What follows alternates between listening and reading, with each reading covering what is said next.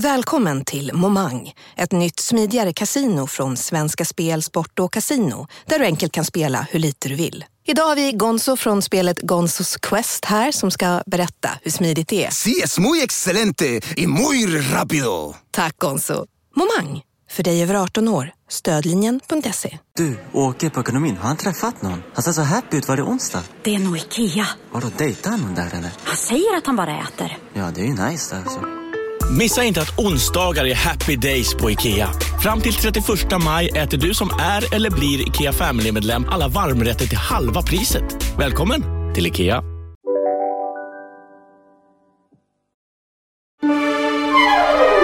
Du lyssnar på en podd från Perfect Day.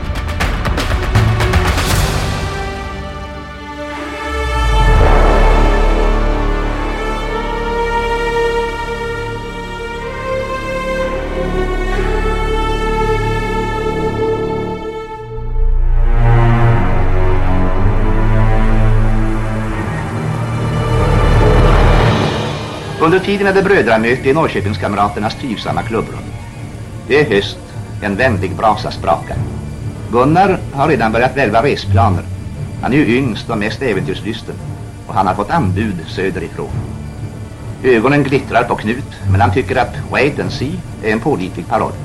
Den 14 januari 1949 skrev denne skyttekung i landslaget och IFK Norrköping på ett proffskontrakt med Milan i Italien. För första gången hade en svensk fotbollsspelare värvats utomlands för stora pengar. Så det var en både glad och bävande ung man som dagen efter intervjuades av Lennart Hyland i Dagens Eko. Idag har Gunnar hunnit sansa sig lite och vet vad han har gett sig in på. Och ångrar sig inte. Eller gör du det? Nej, jag ska säga att det känns ovanligt bra. Ska säga. Bättre än jag hade trott. Eh, varför du gör det behöver man kanske inte fråga. Ja, det är många som undrar varför jag gör det, men efter olympiaden så reflekterar jag mycket starkt på att som avslutning på min fotbollskarriär försöka i någon mån försöka få en tryggad framtid för min son och min fru. L'avvenire rosso nero vedo già Forza Milan, forza Milan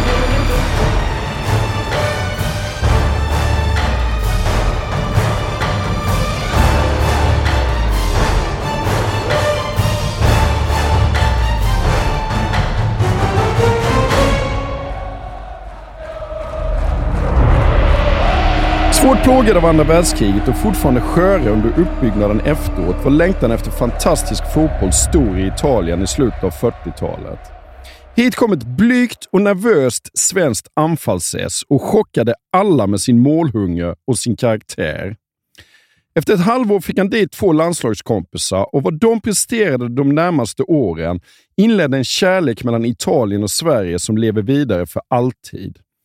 Idag ska vi prata om Il Professore, Il Bisonte och Il Barone. Eller helt enkelt Geno Li. Och hur gick det då till när allt började? Jo, ganska exakt så här. Och nu lånar jag då rösten av en alltjämt ganska ung västerbottning som sitter på ett tåg i ett främmande land på väg mot okända äventyr. Redan på avstånd hördes sorlet från en upprörd folkmassa, men vi gissade på någon demonstration eller något. Oväsendet tilltog sen allt eftersom vagnen saktade farten och snart rullade vi längs en fullpackad perrong, svart av upphetsade människor med flaggor, standard och plakat. Det var inte bara hundraden, utan tusen och åter tusen människor som med risk att trängas ner mellan järnvägsspåren trängde på i en enda kompakt massa. När vi öppnade vagnsdörren och jag kom ut på plattformen bröt ett avgrundsvrål löst. En skog av armar sträcktes upp emot oss. Skriken och ropen ökade till full orkan och innan jag visste ordet av hade jag dragits ner från fotsteget och befann mig mitt uppe i det upprörda folkhavet. Gud i himmelen, allt det här gällde mig. Och skriften jag här citerar, det är ju då den ganska förträffliga lilla boken Guld och gröna planer som Gunnar Nordahl satte sitt namn vid och lät publicera 1954. Och passagen ger i alla fall mig någon känsla för hur nytt och stort och outforskat allt kändes för Gunnar Nordahl som då precis var i färd med att bli Sveriges allra första fotbollsproffs. Inte bara utlandsproffs, utan fotbollsproffs, yrkesspelare i fotboll. Och okej, okay, det finns idrottshistoriker som har kunnat påvisa att det fanns faktiskt några svenska emigranter borta i Nordamerika på 1920-talet som erhållit en eller annan silverdollar för att spela fotboll och därmed formellt kan räknas som våra första proffs. Men... Kanske inte gör något avsnitt om dem? Nej, det kommer vi inte Nej. göra, för det är de faktiskt inte förtjänta av. Men det är däremot Gunnar Nordahl de två parhästar som med tiden skulle ansluta till honom i Milano. Och vi skulle för den delen absolut kunna hitta lätt ett dussintal personer och öden och äventyr från den här tiden som det hade varit värt att berätta om. För vi fascineras ju av brytningstider och det har varit tydligt under våra första år att vi har dragits till åren runt millennieskiftet, för då hände det något med fotbollen. Då gick den från att vara kommersialiserad till att bli hyperkommersialiserad. Då var det oligarkpengarna som kom in och bossmandomen som förändrade allt och alla de där skeendena som vi har pratat så mycket om. Men den här epoken, 1940-1950-tal, den är ju egentligen ännu mer betydelsefull, i alla fall för svensk fotboll, för den tiden förändrade allt. Och det man måste ha klart för sig från början, ja, men det är väl främst två dimensioner. Och den ena utgår från faktumet att Sverige faktiskt var mer eller mindre världsledande i fotboll under dessa år. Okej, det var svårt att mäta krafter med brasilianare och andra som befann sig på den andra sidan av det stora havet. Men här i Europa så är det nog rättvist att säga att Sverige faktiskt låg allra längst fram. Och det hade ju sina skäl och förklaringar. Och det absolut största, ja, men det är ju andra världskriget. Ja. Andra världskriget har precis tagit slut och Europa kan långsamt börja återuppbygga sig självt, börja leva igen. Ja, för den delen även spela fotboll igen. Men någon fotboll att tala om har ju inte spelats under flera långa år i samband med kriget. Jo, jo, det rullades boll och du kan hitta rapporter om olika matcher i både Storbritannien och Tyskland under andra världskriget. Men det var ju inte vad det hade varit och vad det borde ha varit. Många av de bästa spelarna dog ju. Ja. Många av de största talangerna fick aldrig möjlighet att förverkliga den och så gott som allihopa fick ju sina karriärskurvor barskt och definitivt brutna. Det spelades knappt någon fotboll under ja, sex års tid i de allra största delarna av Europa. Och det gällde ju de enskilda spelarna. Det gällde såklart även hela fotbollens infrastruktur som ju bombades sönder och samman under krigsåren. Förutom då i vissa undantagsnationer dit bland annat Sverige hörde. Vi kunde ju fortsätta med vår idrott, vår fotboll, ja, men mer eller mindre opåverkade. Visst, det var beredskapstider och det var ransoneringstider, men det var fortfarande träning på Stora Valla i Degerfors eller runt parken i Norrköping klockan 18.00 varje vardag. Det förändrades ju inte. Om något så fick vi ju då ett litet inflöde av begåvning i och med att krigsflyktingar från så många olika håll kom till Sverige och flera av dem hade fotbollen med sig. Så detta innebar att svensk fotboll, ifall vi nu ska vara så krassa, hade en unik konkurrensfördel när väl fotbollen blev internationell igen. Och det tydligaste beviset, ja, men det är ju OS i London 1948.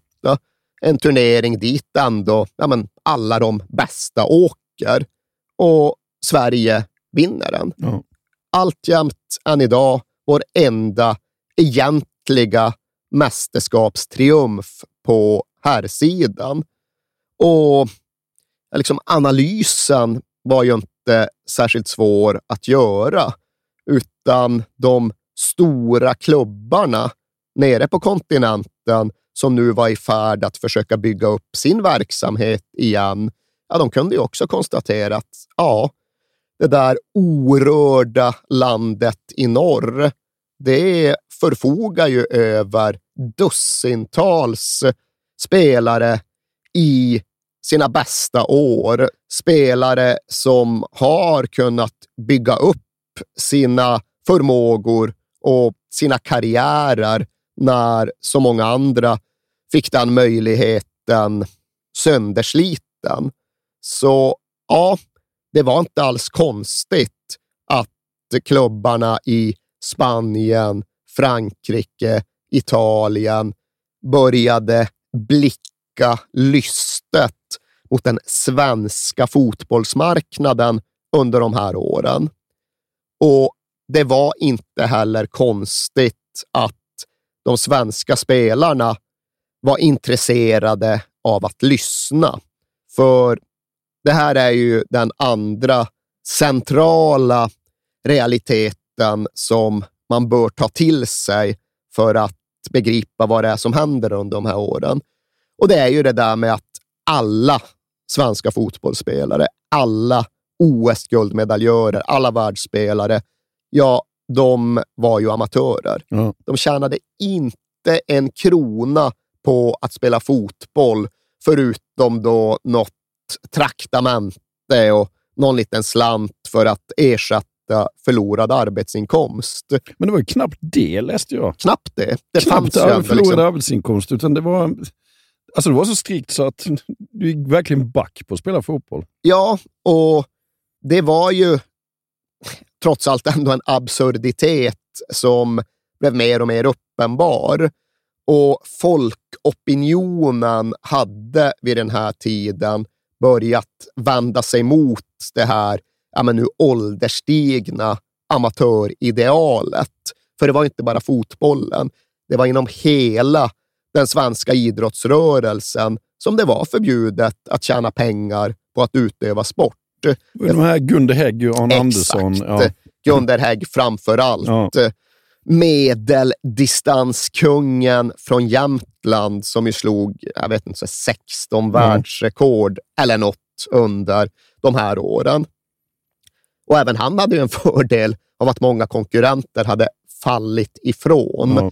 Men han blev ju lika fullt en superstjärna. Ja. Han blev en nationalidol och när han då skulle försöka slå ytterligare något världsrekord och det bjöds in till gala på Stockholms stadion eller vart det nu kan ha varit, ja då var det uppenbart att stora pengar var i rörelse. Arenorna var ju fullsatta och de betalade både daler och sekiner, de som ville komma dit och titta på Gundar. Men Gundar själv, han fick inte en spänn, Nej. utan det skulle arrangören då stoppa i egen ficka. Ja, det var ju inte rätt och riktigt. Det var ganska hjärndött faktiskt. Ja, alltså i och för sig, när vi alltid sitter och ondgör oss över hur kommersialiseringen av idrott har spårat ur, ja, då är det ju någonstans här det börjar. Ja, men det, det finns ju grader i... Det är ju exakt så. Det går Ja. ju inte att vara svartvit. Utan det är klart att det alltid kommer vara en sluttande skala och man måste försöka orientera sig på den. Men att det var, som det då var på 1940-talet, idrottsstjärnor som berikade andra men själv inte fick ett öre för sina ansträngningar. Det är ju helt sanslöst. Ja. Det är vettlöst. Det kan inte pågå på det sättet. Och saken drogs ju då till sin spets när Gunder Hägg faktiskt tog betalt efter en av de här galorna. Och konsekvensen blev att han blev avstängd. Ja. Och inte då bara över en liksom karensperiod, utan han blev avstängd, citat, för evigt. Slutcitat. Och det är en rätt drastisk formulering och en ganska drastisk dom. Och Gunder Hägg, han fick ju lov att vika sig under detta. Hans karriär avslutades som konsekvens. Så han var väl så här 27 år gammal. Och medeldistanslöpare, de håller väl upp mot 40. Ja, sådär. ja, ja. Så han blev Ja. väl av med halva sin karriär eller någonting. Men här kände ju många där ute att det står inte rätt till. Amatöridealet, ja, det tillkom ju från en tid då idrottens samhällsfunktion egentligen enbart antogs vara ja, men att eh, bidra till det uppväxande släktets fysik och renlevnad och eh, generella sundhet. Men det var inte förenligt med den idrott som nu hade vuxit fram. Idrott som enormt slagkraftig massunderhållning och för den delen även idrott som en elitverksamhet där det faktiskt krävdes rätt mycket för att kunna konkurrera och hävda sig. Och vi kan raljera om hur lite det tränades på 1940-talet, men det var ju ändå så här fem, sex pass i veckan, Ja. matcher på det, dessutom då kanske landslagsuppdrag i fjärran länder. Det var rätt segt att försöka få ihop den ansträngningen med då behovet av ett helt vanligt knegarliv. Så det var inte orimligt att amatörtanken började knaka lite i fogarna. Och ja, men det är ju då här vi befinner oss när telefonen ringer i växeln på brandstationen i Norrköping någon av de allra första dagarna år 1949. Och personen som ringde till växeln, han presenterade sig som en representant för Fiat i Stockholm och han bad att få tala med Gunnar Nordahl. Och Gunnar Nordahl, ja det var ju då målmaskinen från Hörnefors utanför Umeå. Han hade blivit skyttekung i den här OS-turneringen som Sverige hade vunnit några månader tidigare. Och hans insatser i den turneringen var då bara en bekräftelse på det som alla redan hade sett. Alla redan visste. Den här snubben kunde inte sluta göra mål. Han hade gjort 43 mål på 33 landskamper.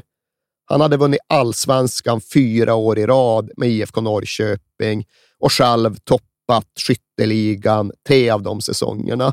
Totalt hade han gjort 93 mål på 95 matcher för Snoka. Och nu var han 27 år gammal, men det hade viskats om att proffsklubbar var intresserade, ja, i alla fall sedan 1947. För då hade Norrköpingskamraterna varit på turné ner till Italien och bland annat besegrat Juventus med 2-0 i Turin. Och Juventus hade anmält någon form av intresse genom mellanhänder och på omvägar och Roma hade det också snackats om. Och det som hade blivit mest konkret fram till och med nu, det var Stade Français nerifrån Paris. Men de hade inte lockat tillräckligt. Men nu var det alltså Milan som ringde och det är klart att enbart detta gjorde så att Gunnar Nordahl började fundera. För trots då alla framgångar var han anställd som brandman i Norrköping. Ett jobb som han satte stort värde på. Det var typ det, den möjligheten som gjort så att han flyttade från lilla Degerfors till stora Norrköping. För attraktivt jobb, goda villkor, bra lön, typ 450 svenska i månaden. Men ja, det innebar ju inte att familjen Nordahl kunde bada i pengar. Och det hade heller aldrig Gunnar Nordahl gjort. För han kom ju från enkla förhållanden Ja. där uppe i norr. Familj på tio stycken som ja, men i stort sett bodde i en enrummare.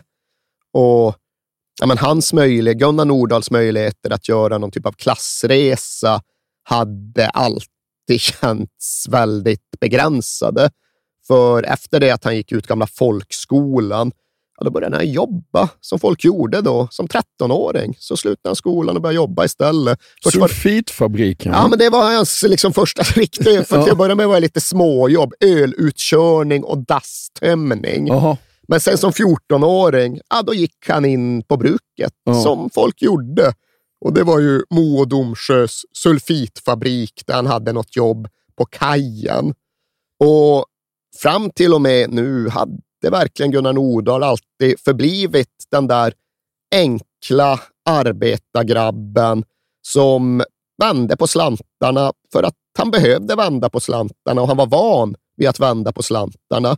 Och trots att det hade gått några år sedan flytten till Norrköping så satt fortfarande den unga familjen med skulder på 330 Ja, just riksdaler det. för möblerna i lägenheten. Det var pengar det också Ja, ja. och det fanns inte tillräckligt mycket över varje månad för att den skulden skulle gå att betala av. Så visst, nog fick samtalet från Milan Gunnar Nordahl att börja tänka. Det fick honom att börja fundera på vad det egentligen skulle kunna innebära att göra ja, men den bokstavligt talat förbjudna flytten. För så var spelplanen. Att ja, nu kanske möjligheten fanns att faktiskt tjäna riktiga pengar som fotbollsspelare. Men uppoffringen han i så fall skulle behöva göra, ja, den skulle innebära att han aldrig mer fick spela tävlingsfotboll i eller för Sverige. Han skulle aldrig mer få spela för en allsvensk klubb. Han skulle aldrig mer få representera det svenska landslaget och han oroade sig dessutom för folkets dom. Ja, det är klart. Ja, absolut, men ja, det hade ju börjat vända med Gunder Hägg, men det satt ju fortfarande djupt i någon form av folksjäl att fotboll, idrott, det ägnade du dig inte åt för pengar. Och vi har ju kvar liksom diskussionen än idag. Någon spelare vill byta klubb, vill kanske flytta utomlands för att det är ett sätt att säkra framtiden. Och alla förstår väl i grunden det, men det finns också alltid reaktionen från besvikna supportrar som lever sina liv med en svensk förening eller med en småstadsförening som behöver vika sig för storklubbarna. Att helvete, du gjorde det, du sålde dig, du valde bort oss för pengar. Ja.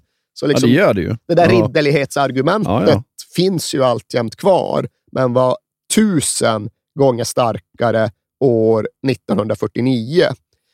Och när Gunnar Nordahl hade tänkt lite och vägt lite fram och tillbaka kände han att nej, det, jag avstår. Liksom. Det är för mycket som är för osäkert och det skulle bli för jobbigt. Vi har ju det ändå bra här i Norrköping. Liksom brandkåren, tidig pension, går bra, vi vinner alla. Ja, men det, det är ändå bra grejer. Nästa morgon hjälper Norrköpingstränaren Lajos Seisler de tre bröderna att jaga latmasken ur kroppen, om det nu finns någon latmask.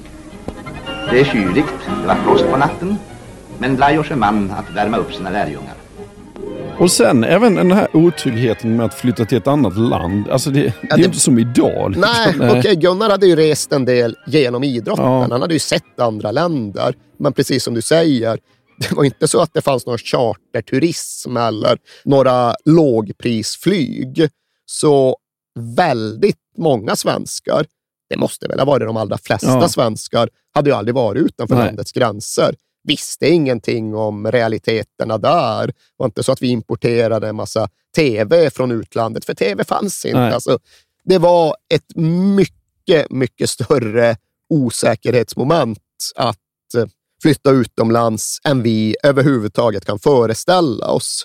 Så Gunnar Nordahl hade väl mer eller mindre redan hunnit avskriva det hela då han en dag kom hem från brandkårsjobbet och hittade en främmande, mörk och sydländsk kar sittandes hemma i soffan, samspråkandes med Gunnar Nordahls fru Irma.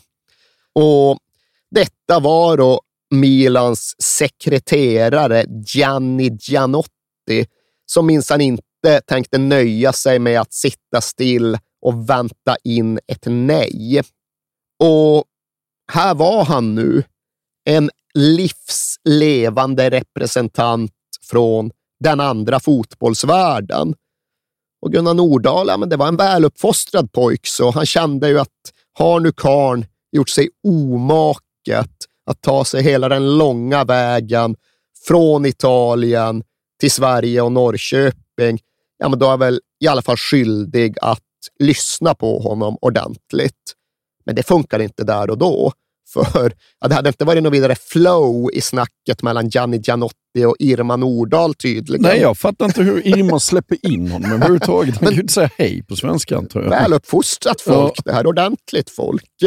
Men Gunnar Nordahl, ja, han kände ju naturligt nog att han behövde stöttning i framtida värvningssamtal. Och han hade lyckligtvis nog sån stöttning inom räckhåll. För IFK Norrköping tränades av världsmannen Lajos Scheisler, en ungrare som behärskade typ alla Europas språk, däribland italienska.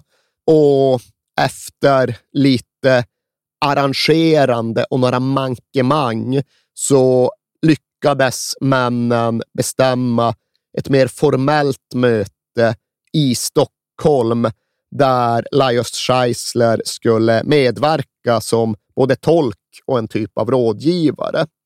När sedan detta möte ägde rum redan nästa dag, ja, då kunde Gianni Gianotti verkligen presentera Milans villkor och Milans paket på ett sätt som gjorde att Gunnar Nordahl verkligen förstod hur den här möjligheten såg ut.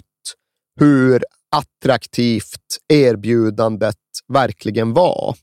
Och Det här kontraktet det finns lyckligtvis bevarat för oss i eftervärlden och det gör ju att vi kan läsa till och se siffrorna i svart på vitt.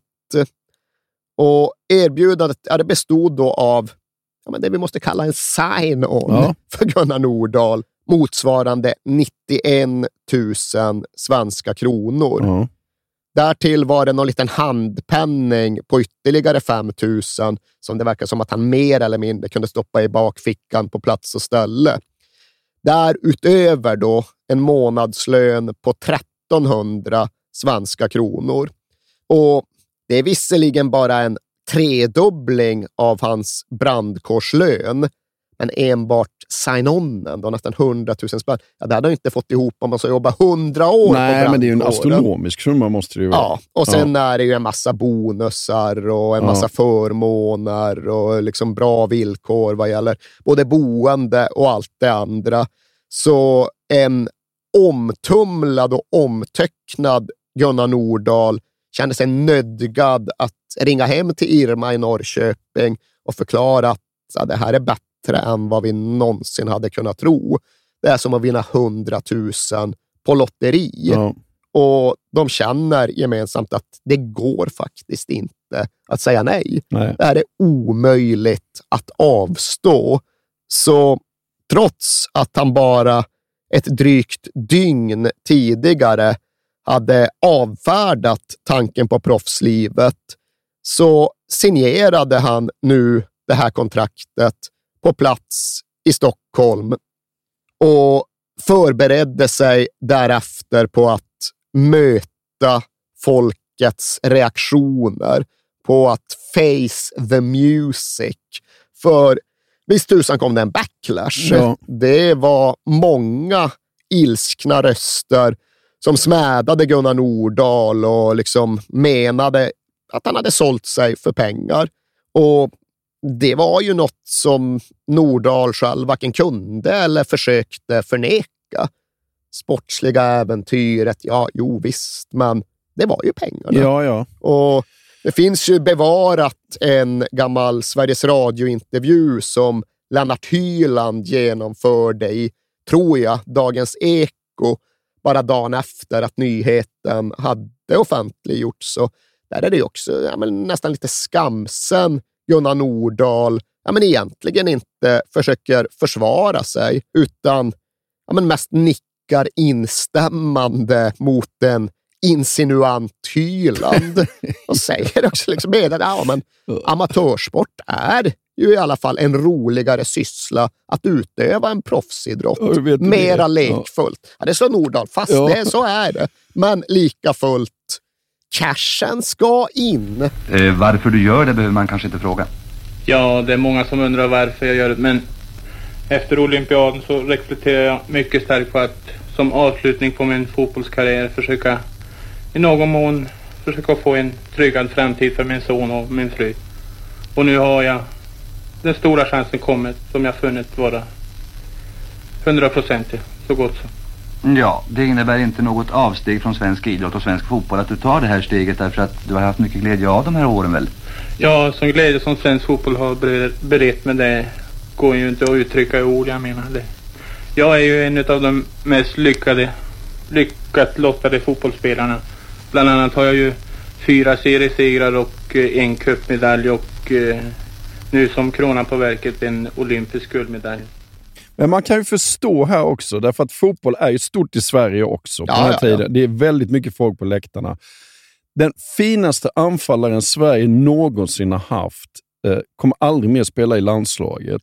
Det, det är klart att ja, en ja. viss bitterhet. Nej, men alltså, det, det, är alltså, ja. det är exakt samma mekanismer som vi då fortfarande snurrar runt idag. Och det, liksom ifall man, jag förstår Gunnar Nordahl till tusen procent. Det är klart att Ja, han ja. gör rätt val. Ja. Och det är klart att det är absurt att han måste flytta utomlands. Men bara den här indignationen som man själv så ofta har känt runt en övergång, alltså den riktas ju mot spelaren, men i själva verket så bottnar den väl oftast i någon form av vanmakt gentemot systemet. Det är ju för jävla tråkigt att det bara är pengarna som styr. Det är ju bedrövligt trist att möjligheterna till idrottslig framgång egentligen ska vara helt bundna till vilka ja, som har mest i kassakistan. Ja. Det är ju tråkigt. Så vill vi inte att fotbollen ska fungera. Nej. Och det är ju den dörren som i och med detta slås upp på vid gavel även gentemot Sverige och vår skyddade verksamhet. Fram till och med detta hade man kunnat ondgöra sig över hur orättvist det var att storstadsklubbarna ändå hade ett försprång gentemot de små. För ja, IFK Norrköping kunde locka Gunnar Nordahl från Degerfors med löfte om ett bra jobb på brandkåren. Ja. Och det är ju en typ Ja, ja, av liksom värvningsmuskler. Men hela den här säljer sig för dimensionen, ja, den kom till Sverige i början av januari 1949 när Gunnar Nordahl skrev på för Milan och i praktiken också inledde det oundvikliga avskaffandet av amatörsystemet.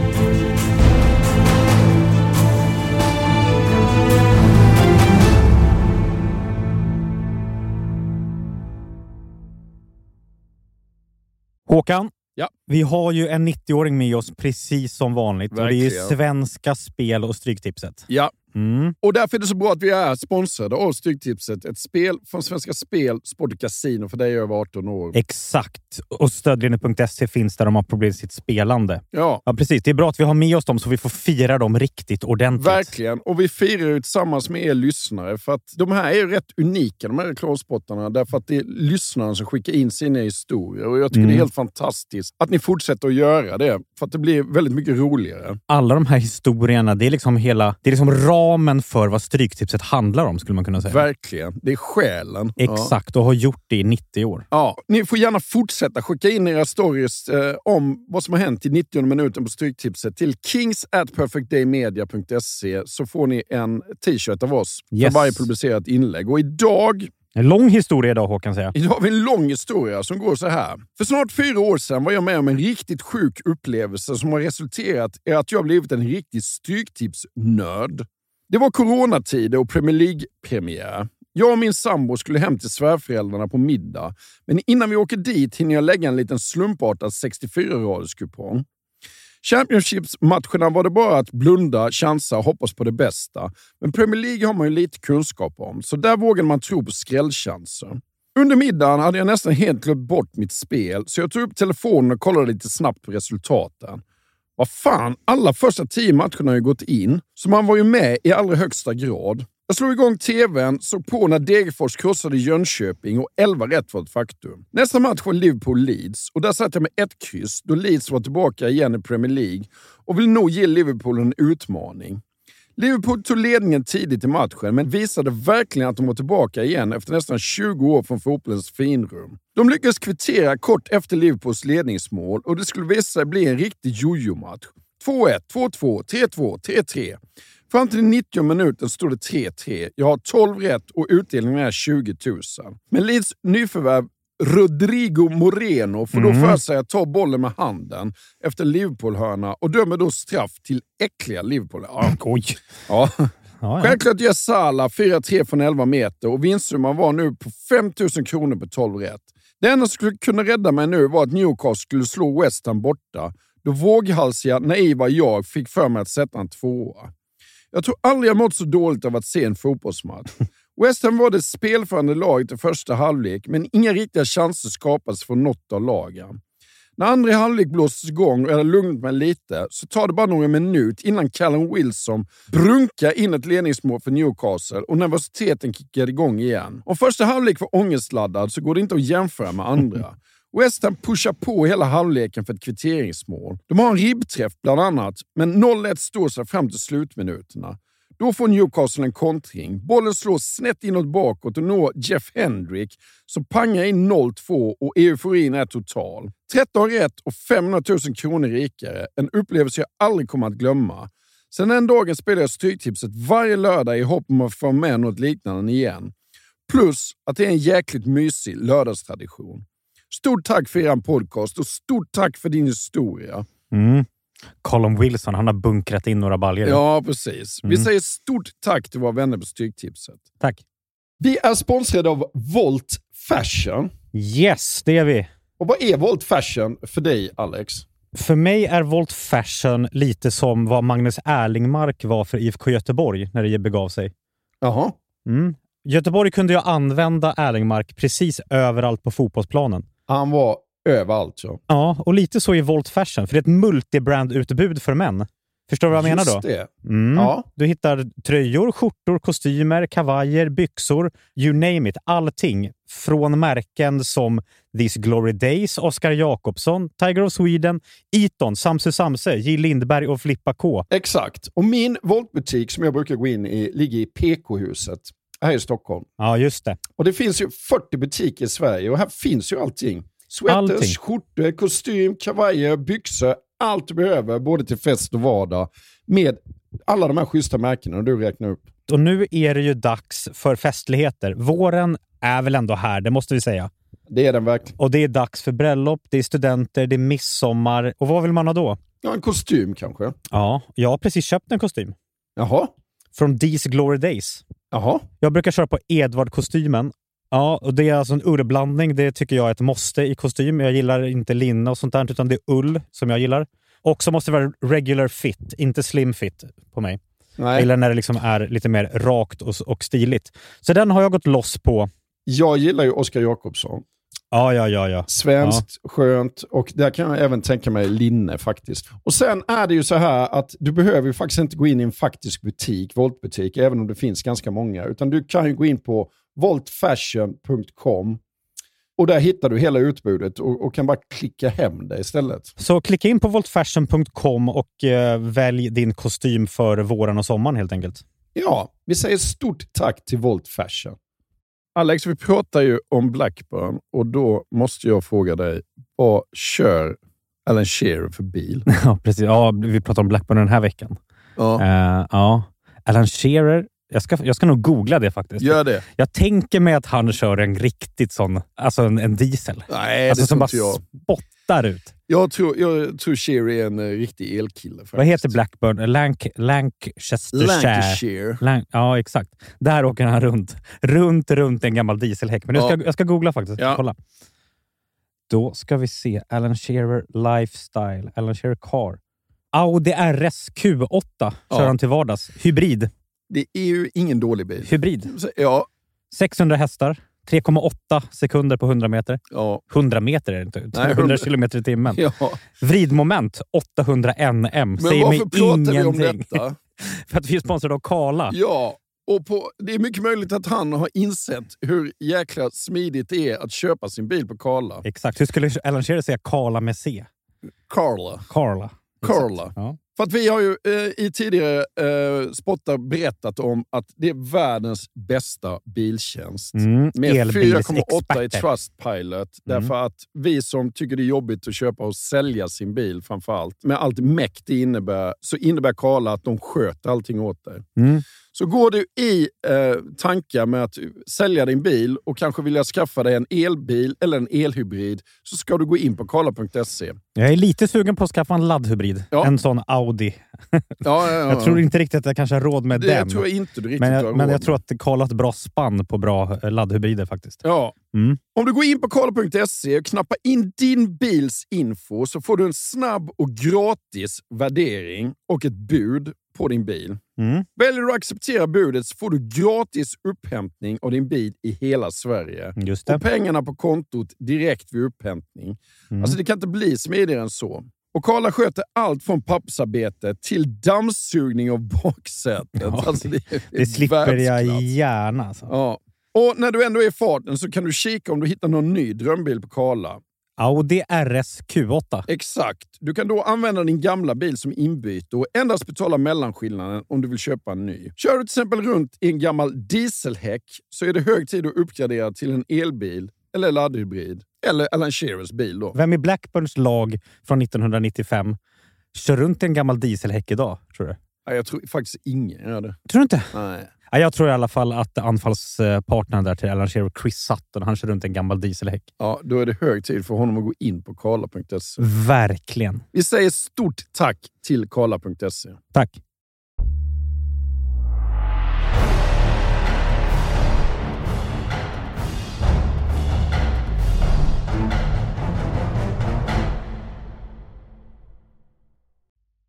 Ja, för sen går han ju mot en helt sensationell vår, eller hur? Ja, det måste vi säga. Och det är, ja, men det är mycket som faller på plats. Eh, för det går ju faktiskt bara några veckor innan Sverige får sitt andra utlandsproffs i fotboll.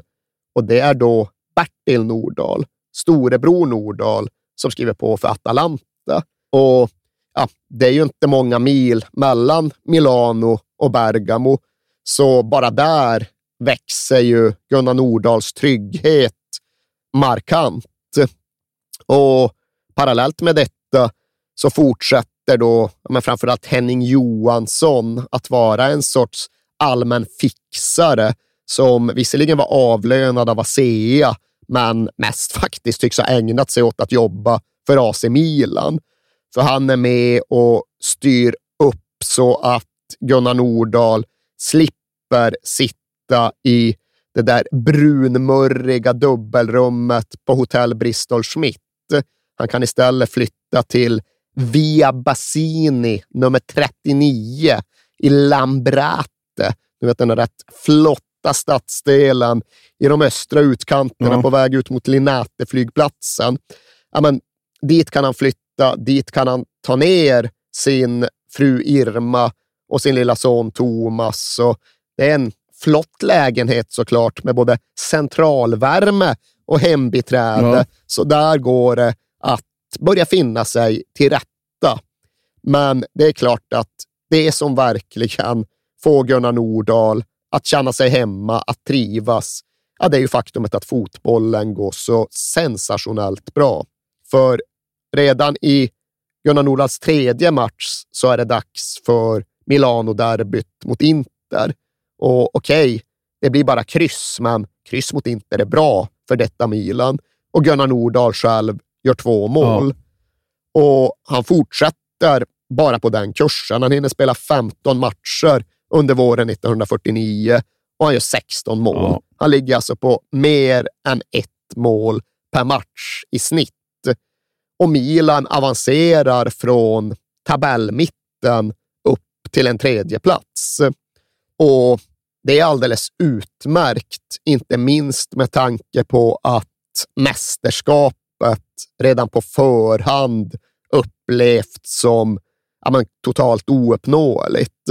För ja, visst, Milan spelar för sina mål och Juventus och Inter, de spelar för sina mål. Men italienska mästare, alla vet att Torino kommer bli italienska mästare. För de hade ju ett otroligt lag här i slutet av 40 Det var egentligen hela italienska landslaget. Ja. Ja. det var Torino, med något enstaka undantag. Ja, detta innebar också att de ofta fick ikläda sig rollen av att vara nationella italienska ambassadörer. Och det var i och för sig det var rätt vanligt förekommande under de här åren att klubblag i pauserna mellan ligamatcherna åkte runt i Europa och ja, men spelade, ägnade sig åt idrottsutbyte, idrottsdiplomati. För alla insåg att det fanns ett värde i att fotbollen kunde spelas över gränserna i efterkrigstidens och återuppbyggnadens Europa. Den bidrog till att tidigare krigförande länder nu kunde börja närma sig varandra igen. Och hela den tanken var jätteviktig för att skapa Europacuperna som fortfarande ligger några år Ja. bort. Nu är det vänskapsmatcher som de stora klubbarna ägnar sig åt istället. Och här på senvåren 1949, ja, då hade till exempel Gunnar Nordahl och Milan varit i Madrid för att spela.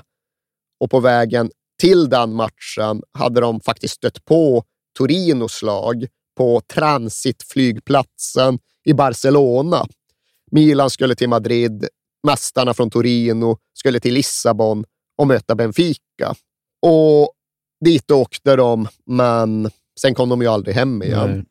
För på vägen hem så inträffar den fullständigt fasansfulla flygtragedin på Superga, alltså Mm. det här berget i Turins utkanter. Flygplanet som fraktar Torinos lag, jag vet, jag vet inte orsak, men de fel höjd. De kör in i berget, kör in i en kyrka på Ja. bergsluttningen och alla dör. Ja. Hela laget blir utplånat. Och det här är ju en förlaga till flygkatastrofen i München och Manchester United och The Busby Babes och allt det där. Och ja, det här är då den om något liksom ännu hemskare italienska motsvarigheten. För här dör samtliga 31 passagerare och Italiens bästa fotbollslag, kanske även Europas allra bästa fotbollslag, ja, det finns plötsligt Nej. inte längre. Det är borta. Det dog på den där bergsluttningen i Turins utkanter. Och ja, det skulle naturligtvis prägla all italiensk ligafotboll under flera år framöver. Men ja, omedelbart så medförde det ju även praktiska konsekvenser för exempelvis då Gunnar Nordahl och hans Milan. För de var kvar i Madrid i Spanien Ja. när de nåddes av beskedet om den här tragedin. Och det var direkt bara, vi flyger inte hem. Vi sätter oss inte i den där maskinen. För ja, flygsäkerheten var ju någonting annat på 40-talet Ja, ja. än den är idag. Så de kuskade hem från Spanien i tåg och sen fortsatte de åka tåg. De ville inte flyga mer, så det var ju tack vare Gunnar Nordahl lite snabbt arrangerat en uppvisningsturné i Sverige under sommaren 1949. Men det var där också, inget flyg. Det Nej. blir Kontinentexpressen hela vägen upp genom Europa. Och det var således alltså på det sättet som Milan tog sig upp till våra breddgrader för att göra den här sommarturnén. Och de flesta trodde väl att de hade åkt till Sverige för att visa upp sig. Och visst, det fanns en sanning i det. Men i själva verket var ju det viktigaste de gjorde i Sverige att plocka med sig ytterligare några blågula fotbollsgossar. Ja, för att Gunnar Nordahls succé måste ju ha krattat manegen för vi måste ha fler. Liksom. Ja, men om det blev så här bra med en svensk, vad skulle då kunna hända med ännu fler? Ja. Och samtal fördes ju då mellan Milan-ledningen och Gunnar Nordahl under ja, men mer eller mindre hela våren 1949. Håller ni OS-guldmedaljörer verkligen så här otroligt hög standard? Finns det fler som skulle kunna göra samma sorts avtryck? Vilka skulle du i så fall rekommendera Signore Nordahl, du som kan de här grabbarna och deras förmågor? Och om nu inte Milanledningen varit helt över, om de inte ville gå enbart på Gunnar Nordahls rekommendation, så fick de se vad de behövde med egna ögon här den 10 juni 49, då Milan spelade mot Gunnar Nordahls gamla IFK Norrköping och faktiskt förlorade med 3-2. Och en stor anledning till att det var Snoka som vann, det var ju att de hade en oerhört komplett och mångsidig inner. En sorts blandning mellan elegant och slitvarg. En kille som hade extrem blick för spelet, men också en otrolig motor. En kille som kunde driva och trycka på i långt mer än 90 minuter. Och Nisse Lidholm, som vi pratade om, var ju inte direkt någon okänd spelare han heller, utan hade ju men en nästan lika imponerande meritlista som Gunnar Nordahl. Och han hade fått propåer för han också. Han hade bland annat hunnit tacka nej till Roma, men nu kände han ju själv att argumenten för flytt blev starkare. Inte nog med att Gunnar Nordahl hade brutit mark. Gunnar Nordahl var dessutom en väldigt nära vän till Nisse Lidholm. De hade delat rum på Norrköpings bortamatcher ända sedan Lidholm anslöt från Sleipner 1946. Och för Lidholm var kanske inte de ekonomiska argumenten fullt lika avgörande som de hade varit för Gunnar Nordahl. För Lidholm kom från ett lite annat skikt av samhället. Hans familj drev ja, men en manufaktur i det idylliska Valdemarsvik och själv så var han ja, men både belevad och minsann lite lärd. Han jobbade inte på brandkåren utan han jobbade minsann på Arvidssons bokföringsbyrå Ja. på Plankegatan. Och han hade nog kunnat bygga upp en god ekonomi även utan fotbollen. Men när han nu på banketten efter den här uppvisningsmatchen förstod att Milans intresse både var högst verkligt och väldigt konkret. Och när han kunde passa på att bolla med och fråga kompisen Gunnar Nordahl om allt, ja, då insåg Nisse Lidholm att detta var något han inte kunde säga nej till. Och om det ändå fanns något litet spår av tvivel kvar, ja, då undanröjdes dessa definitivt under den här avgörande juninatten i Norrköping. För det hade antytts och det hade glunkats under den här våren. Ända sedan Lajos Scheisler då hade hjälpt Gunnar Nordahl med flytten till Milan så hade han behållit kontakten med den italienska klubben. Och han hade även varit på Nisse Lidholm lite grann och just frågat om inte han också lockades av de rödsvarta och pratade väldigt varmt om klubben. Och ja, Det fanns en förklaring till det.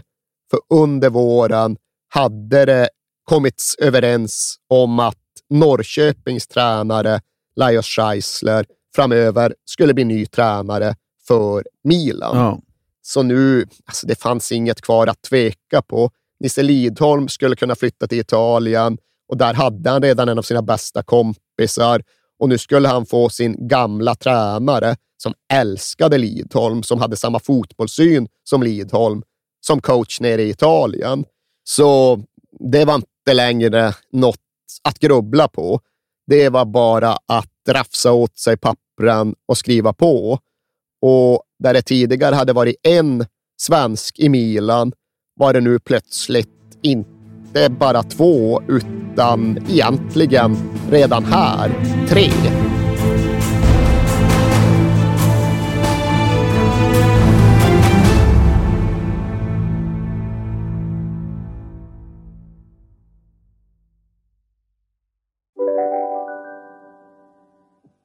Hej, Synoptik här. Visste du att solens UV-strålar kan vara skadliga och åldra dina ögon i förtid? Kom in till oss så hjälper vi dig att hitta rätt solglasögon som skyddar dina ögon. Välkommen till Synoptik. Psst, känner du igen en riktigt smart deal när du hör den? Träolja från 90 kronor burken. Byggmax, var smart, handla billigt. Nej. Dåliga vibrationer är att gå utan byxor till jobbet. Bra vibrationer är när du inser att mobilen är i bröstfickan. Alla abonnemang för 20 kronor i månaden i fyra månader. Vimla! Mobiloperatören med bra vibrationer. Behövdes en kille från västkusten också. Ja, men exakt. Någon som faktiskt inte hade varit med och grävt guld med Norrköping, men som ju hade spelat med både Gunnar Nordahl och Nisse Lidholm i landslaget. Och Gunnar Gren skriver till sist på för AC Milan hemma på Kärrhögsgatan i Kolltorp i slutet av juni 1949.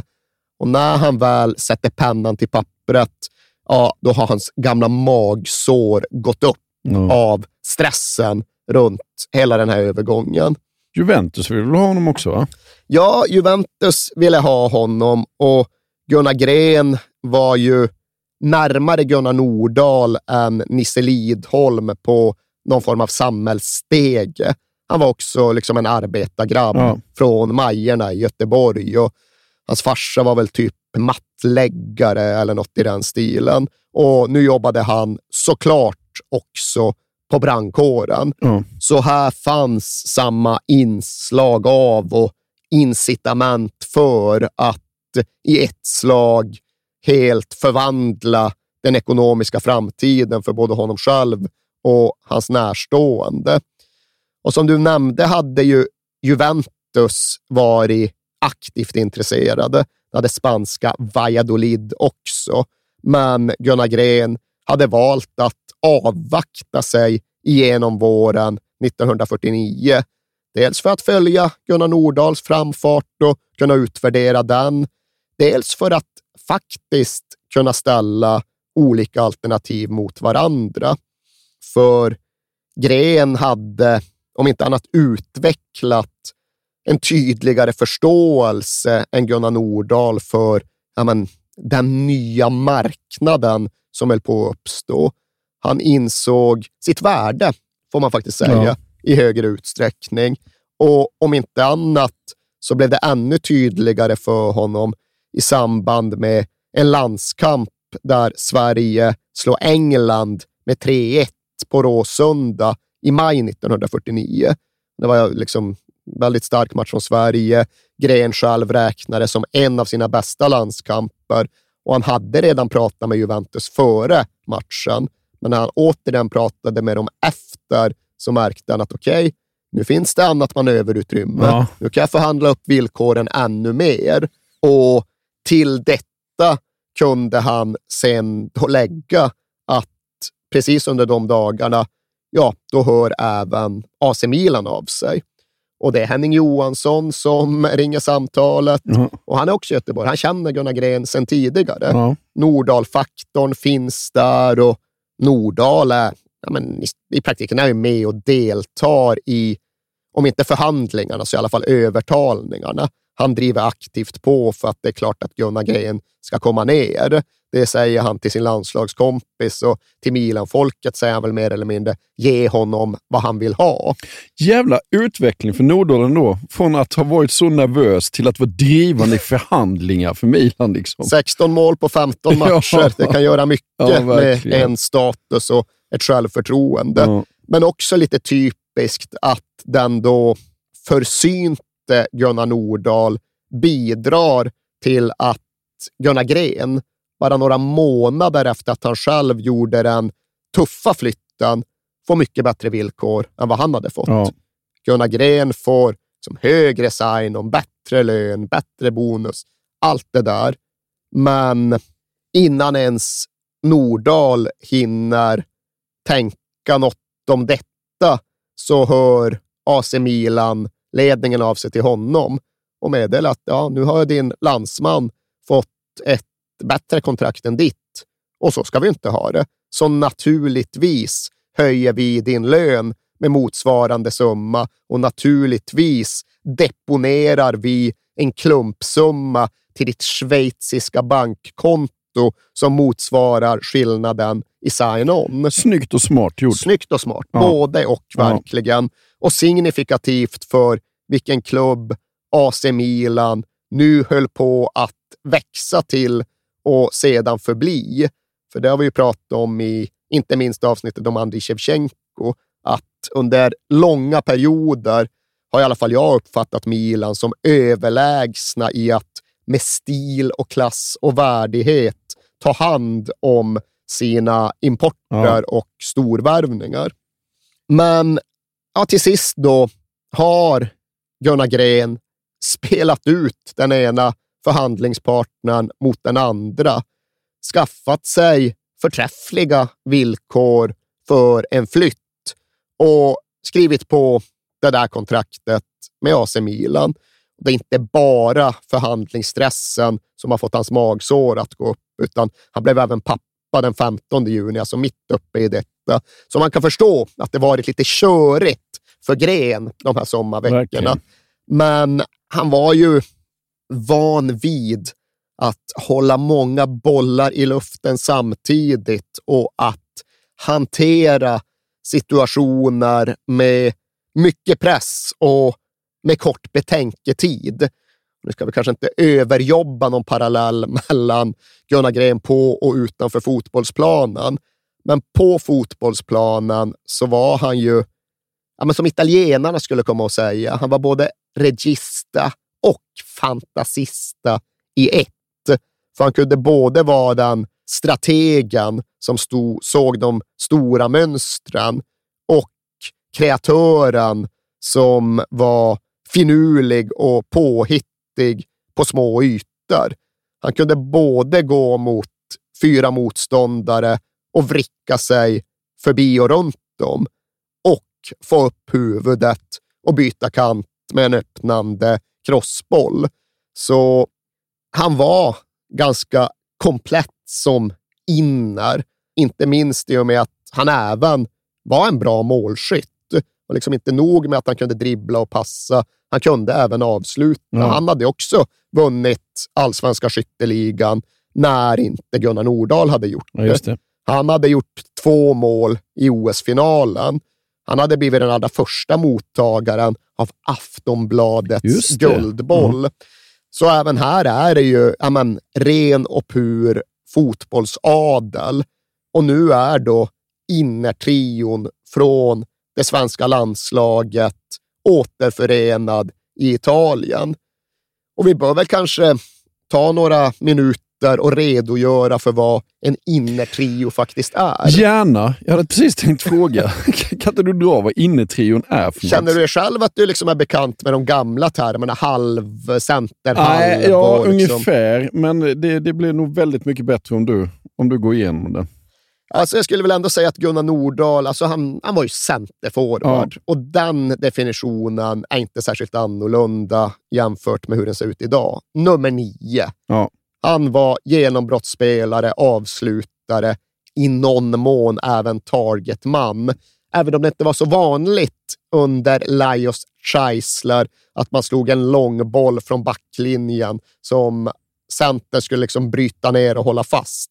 Det var en annan typ av speluppbyggnad. Ja. Men Gunnar Nordahl var center och sen var då Gren och Lidholm innerar. Och ja, det måste ju beskrivas som en typ av blandning av dagens mittfältare och dagens anfallare. Släpande anfallare. Exakt, du ligger lite bakom en striker för att föda och göda honom, för att själv gå på avslut och genombrott. Liksom ifall du har ett tremannaanfall så spelar Harry Kane nia på topp och så ligger Kulusevski och Son tätt det. bakom och backar upp. Det är ju för sig en lite skev jämförelse med att Spurs spelar. Och Spurs, Kulusevski slickar ju kanten Ja. rätt mycket. Det gjorde inte Lidholm och Gren. Nej, för de hade yttre utanför Det sig är också. exakt det. I en gammal VM-formation, alltså en sån som ställdes upp 2-3-5 Ja. och som de flesta klubbar fortfarande använde sig av.